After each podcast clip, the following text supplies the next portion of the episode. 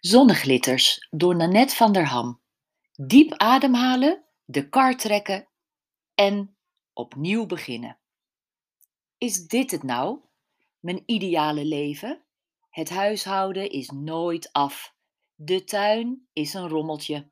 Een kast vol cd's en ik draai ze nooit. Tientallen boeken die ik wil lezen. De kinderen worden zo snel groot. Ik wil mijn vrije tijd met hun delen, nu zij het nog willen. Waarom moet ik altijd het initiatief nemen? Waarom neemt mijn man het heft niet in handen? Stiekem verliefd op andere mannen, jaloers op vrijgezelle vriendinnen in kleine, eenvoudige fletjes.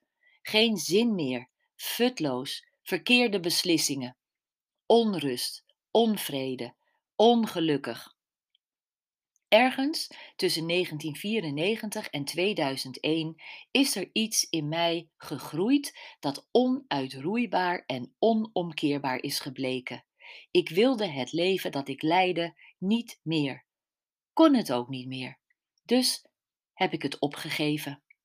Inclusief man, huis en baan. Alleen mijn kinderen wilde ik nog. En een nieuw begin. Eind vorig jaar een maand voor mijn 39ste verjaardag, heb ik nog één keer het heft in handen genomen. Niet meer getrouwd, niet meer het straatje waar ik 13 jaar heb gewoond. Dag buren, ik weet het zeker. Op een zaterdag ben ik verhuisd. Samen met mijn zus heb ik de bolderkar volgeladen met mijn leven en ben de kar gaan trekken. Een wiebelig straalkacheltje, een schitterende stoel van bij de vuilnis, een grote koperen spiegel in de vorm van een zon, twee grote planten in rieten manden en een volle koffer. Meer paste er niet in. En daar ging ik. Eenmaal snelheid gemaakt was ik niet meer te stoppen. Het statige dertiger jaren buurtje uit, langs de slager en de videotheek, onder het viaduct door en het heuveltje op naar de ingang van mijn flatje. Lachende voorbijgangers en toeterende automobilisten. De Schuilhoeve heet het gebouw. Mevrouw Troost staat er op mijn voordeur, de vorige bewoonster. De toon is gezet, met mijn quasi-spirituele inslag druipt voor mij de symboliek ervan af. In de hal hangt een briefje. Wegens renovatie is de lift een maand buiten werking. Nee, hè? Wanhopig kijken mijn zus en ik elkaar aan. Maar als we naar onze verhuiswagen kijken, halen we onze schouders op. Dat is nog wel te doen. Helaas, bij de eerste treden breek ik al haast mijn nek over het elektrasnoer van de kachel.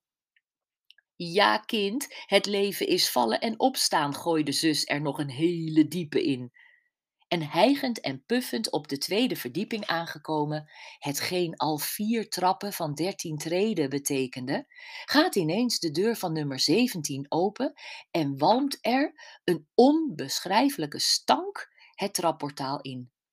Zus loopt helemaal paars aan van de ingehouden adem en wenkt dat we de galerij op moeten stappen om op frisse adem te komen. Wat was dat? Vraagt ze als we weer een beetje bij zijn gekomen. We kijken om naar nummer 17 en zien in de deuropening een oude vrouw staan met jampotglazen als bril. Haar ene oog kijkt naar ons, het andere is volledig de andere kant op gedraaid. Ze draagt een lichtblauwe verkreukelde jurk en houdt zich vast aan de deurpost. Ineens weten we wat de walm is. Oude vrouwengeur, we begrijpen elkaar meteen. Oma, verpleeghuis, ziekenhuisgangen, bejaardenhuis, toiletten, ongewassen lijven, vieze kleren. Hoe triest ook. De stank is niet te harde. Stinky Woman, zoals we haar direct dopen, blijft in het trappenhuis naar ons staan kijken en roept af en toe: Wie zijn jullie? En wat komen jullie doen?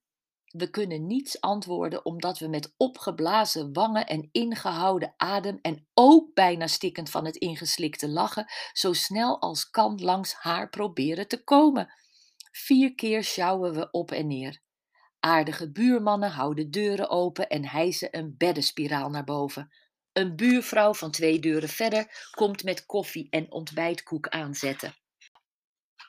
De oude buurman direct naast me stort zijn levensverhaal uit en van een mevrouw op één hoog krijg ik een standje omdat de voordeur van het portaal te lang onbeheerd openstaat.